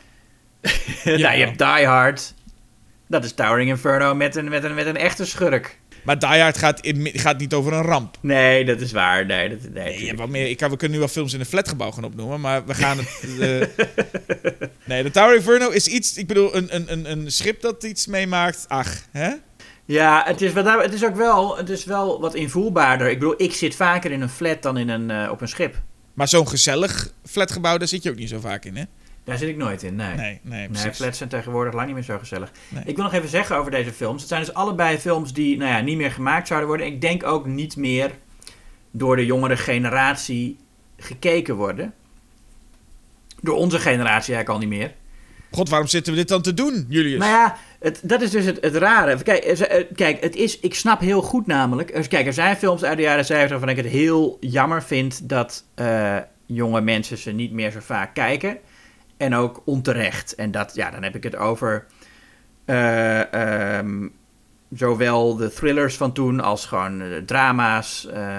gewoon echt de, de, de ouderwetse mainstream drama's, en, maar ook de wat kunstzinniger dingen en, en horrorfilms. En het zijn allemaal dingen uit de jaren 70 van ik denk dat is gewoon alles wat je, wat je nu uit een eh, film kunt krijgen, kun je daar ook uit krijgen. Ik bedoel, een drama van nu is niet per se beter dan Nashville of, eh, of, of, of Ordinary People of zo. En, en, en, en, en een horrorfilm van nu is ook niet per se eh, schokkender dan The Exorcist. S- Sterker nog, Eh, een stu- stuk minder. Ja. Ehm, maar, dus ik vind dat je, dat je dat, dat, wat dat betreft gewoon echt films uit de jaren 70 en 60 en 50 gewoon prima kunt kijken. Maar ja, een, een groot, een groot actiespektakel van nu, dat ziet er wel over het algemeen, eh, eh, is dat toch op, op heel veel manieren beter dan toen. En snap ik ook wel dat mensen zeggen, nou ja, het is toch traag en je ziet dat het nep is. Wat je nu trouwens ook bij heel veel dingen ziet dat het CGI is trouwens. Dus ik, ik vind eigenlijk op sommige momenten eh, deze films veel overtuigender dan de blockbusters van nu. Maar ik begrijp dat mensen dat niet zo zien. En ik, en ik vind dat ook heel acceptabel eigenlijk. Ik vind het ook. eh, ik vind het misschien een beetje jammer dat mensen van nu niet, naar, niet meer naar rampenfilms kijken. Maar eh, ik, vind, ik, ik snap het en ik kan het accepteren. En ik vind het veel logischer en, en minder erg als een 20-jarige zegt... Towering Inferno, daar ga ik niet naar kijken. Dan, weet je wel, zo'n rampenfilm uit de jaren 70, wat kan mij dat schelen? Dan als die, als die 20-jarige dat zou zeggen over een film als Nashville. Snap je wat ik eh, een beetje bedoel? Ja, zeker, zeker. Maar je bedoelt dus wel specifiek de jaren 70 Ja. film. Ja. Want ik, ik kan me inderdaad goed voorstellen dat dat... Dat is een genre op zich, wat je al zegt. Ehm, maar je hebt al heel veel mensen die überhaupt niet naar oude films kijken. Nee, maar ik vind het, ja, ik vind dat bij dit genre snap ik dat beter. Omdat het gewoon echt, het is echt iets, het is echt een, een, een tijdsbeeld. Het is echt een, eh, en, en, maar da- dat vind ik er ook fijn aan. Dat ik, hoewel ik dus zelf niet de jaren 70 meegemaakt heb, voelt het voor mij wel een soort van vertrouwd. Omdat ik ook, ja, wel heel veel cultuur uit dat decennium tot me heb genomen. Ja. Eh, heb ik hier toch een, een fijne, vertrouwde, ver- vertrouwde eh, eh, sfeer gaat eruit van die films. Ja, want de rampenfilm aan zich, dat is natuurlijk... dat is, nou ja, elk decennium heeft zijn, zijn rampenfilms. Ja, En dat is nog steeds een... volgens mij nog steeds wel een heel populair genre. En nou ja, maar wat is dan de, ik bedoel, we hebben nu... ik bedoel, jaren 90 had je sowieso toen een heleboel, hè, met Ja. Volcano, Dante's Peak, eh. Armageddon en, eh, en Deep Impact. Oh, dat, was gewoon een hele, hele bende. En Titanic, niet te vergeten. Uiteraard, Titanic. En ik heb het idee dat Ronald, Roland Emmerich met die, die 2012 was bijvoorbeeld zo'n film. Ja, oké, het zijn wat, wat iets... ja, meer sci-fi, maar oké, ja. Ja, maar goed, ik bedoel, hij had op een gegeven moment zijn Day After Tomorrow-achtige eh, Ja. eh, eh, shit. Oh ja, dat is hij nog, toch, nog steeds aan het doen. Dus, Moonfall was ook van hem, toch? Ja, Ik wil niet zeggen dat het goede, eh, per se allemaal goede films zijn. Maar ik bedoel, het genre leeft ook nog steeds. Was eh The Rock zat volgens mij in een paar van die... The Rock zat ook in een soort Towering Inferno, kan ik me herinneren. ja eh, die heb ik toen... Skyscraper? heet die zo? Ja, voor mij heet die Skyscraper. Ja, die heb ik toen gezien. Ja. Dat is wel aardig. Maar hij zat ook in San, San Andreas. Dat is ook, zo'n ook een rampenfilm. The Rock had volgens mij ook Oh, zo'n ja. kleine rampenfilm. Maar. Skyscraper was volgens mij... zaten daar ook wel echt bad guys in. Dat was, en het was, dat was ook meer een Die Hard dan een Towering Inferno, als ik het me goed herinner. Nou ja, goed. eh, eh, ik, ja, dit is misschien net weer een ander genre. Maar je hebt natuurlijk sowieso de monsterrampenfilms. Ik bedoel, alle Godzilla nou ja, dat, ja dat, dat, dat, is, dat heeft dat nu eigenlijk een beetje overgenomen. Maar ja, nu is het ook... We zijn natuurlijk van veel minder onder de indruk als we zien... Ik bedoel, toen Roland Emmerich in eh, Independence Day... wat ook raakvlakken heeft met het genre... Ja. Daar was in de, in de trailer zag je natuurlijk hoe, dat, hoe het Witte Huis opgeblazen werd. En iedereen ging naar de bioscoop om, om dat te zien, weet je wel. Hoe eh, het Witte Huis opgeblazen in een film, dat moeten we zien. Ja. En dat zei je nu, ja, nu is zijn mensen daar gewoon totaal niet meer van onder de indruk. En het is ook niet indrukwekkend. En dat is deels omdat we het allemaal al duizend keer gezien hebben en, en we weten dat alles kan. Maar het is ook deels omdat het volgens mij niet meer zo invoelbaar gefilmd wordt als, het, als je het hier nog hebt. Dat je echt de camera bij de personages houdt en vanuit de, dat je het filmt alsof je er zelf bij bent. Mhm. Ehm, ik heb het bij heel veel eh, scènes nu waar echt grote, grootse dingen gebeuren. staan we van een, van een afstand en zien we de dingen van een afstand instorten of zien we Godzilla eh, door een stad heen stampen. Maar dan is Godzilla gefilmd alsof het een mens is, weet je wel? Gewoon een soort medium shot van, ja, dat, dat, dat, we krijgen helemaal geen gevoel van hoe groot dat beest is als je het zo filmt. Nee, precies. Als je hem vanaf de, vanaf de stoep filmt en je, en je kijkt naar boven en je ziet die gigantische voet, dan voel je hoe groot die is. Ja. Ehm, en dan, nou ja, en, en, en- en dat zie je ook bij, bij Towering Inferno en, eh, en eh, Poseidon Adventure. Ik heb ja, momenten dat die, film echt, dat die films je echt het gevoel geven dat je, er, eh, eh, dat je erbij bent en dat veel invoelbaarder maken dan veel blockbusters nu. Nou ja, dat is een van de dingen waarom een van mijn favoriete monsterrampenfilms Cloverfield is. Want als er één film het schoolvoorbeeld is van Nou ja. zit erin, dan is het found footage. Ehm, ja, nee, maar ik heb het idee dat dit soort films, de rampenfilms, maar ik zeg van de afgelopen, eh, nou ja, tien jaar zou ik ze niet meer zoveel kunnen noemen hoor, die, die ook echt zo groot waren. Want dit waren wel, eh eh, eh, Towering Inferno was de, de grootste film van 1974. Ja. Poseidon Adventure ook een enorme hit. Nou, en ik zie ook wel trouwens, ik ben nu voor de nieuwste Schokkend Nieuws, schrijf ik een stukje over een nieuwe Asylum film. Oh ja. En de Asylum, dus die goedkope eh, eh, B-films, eh, daar zie je dus juist heel veel rampenfilms. Wat, wat die dus doen, ja. is die pakken het principe van gewoon een heleboel mensen die maar een beetje in een, een kantoor aan het praten zijn over, oh, er komt een ramp aan, we gaan dat voorspellen.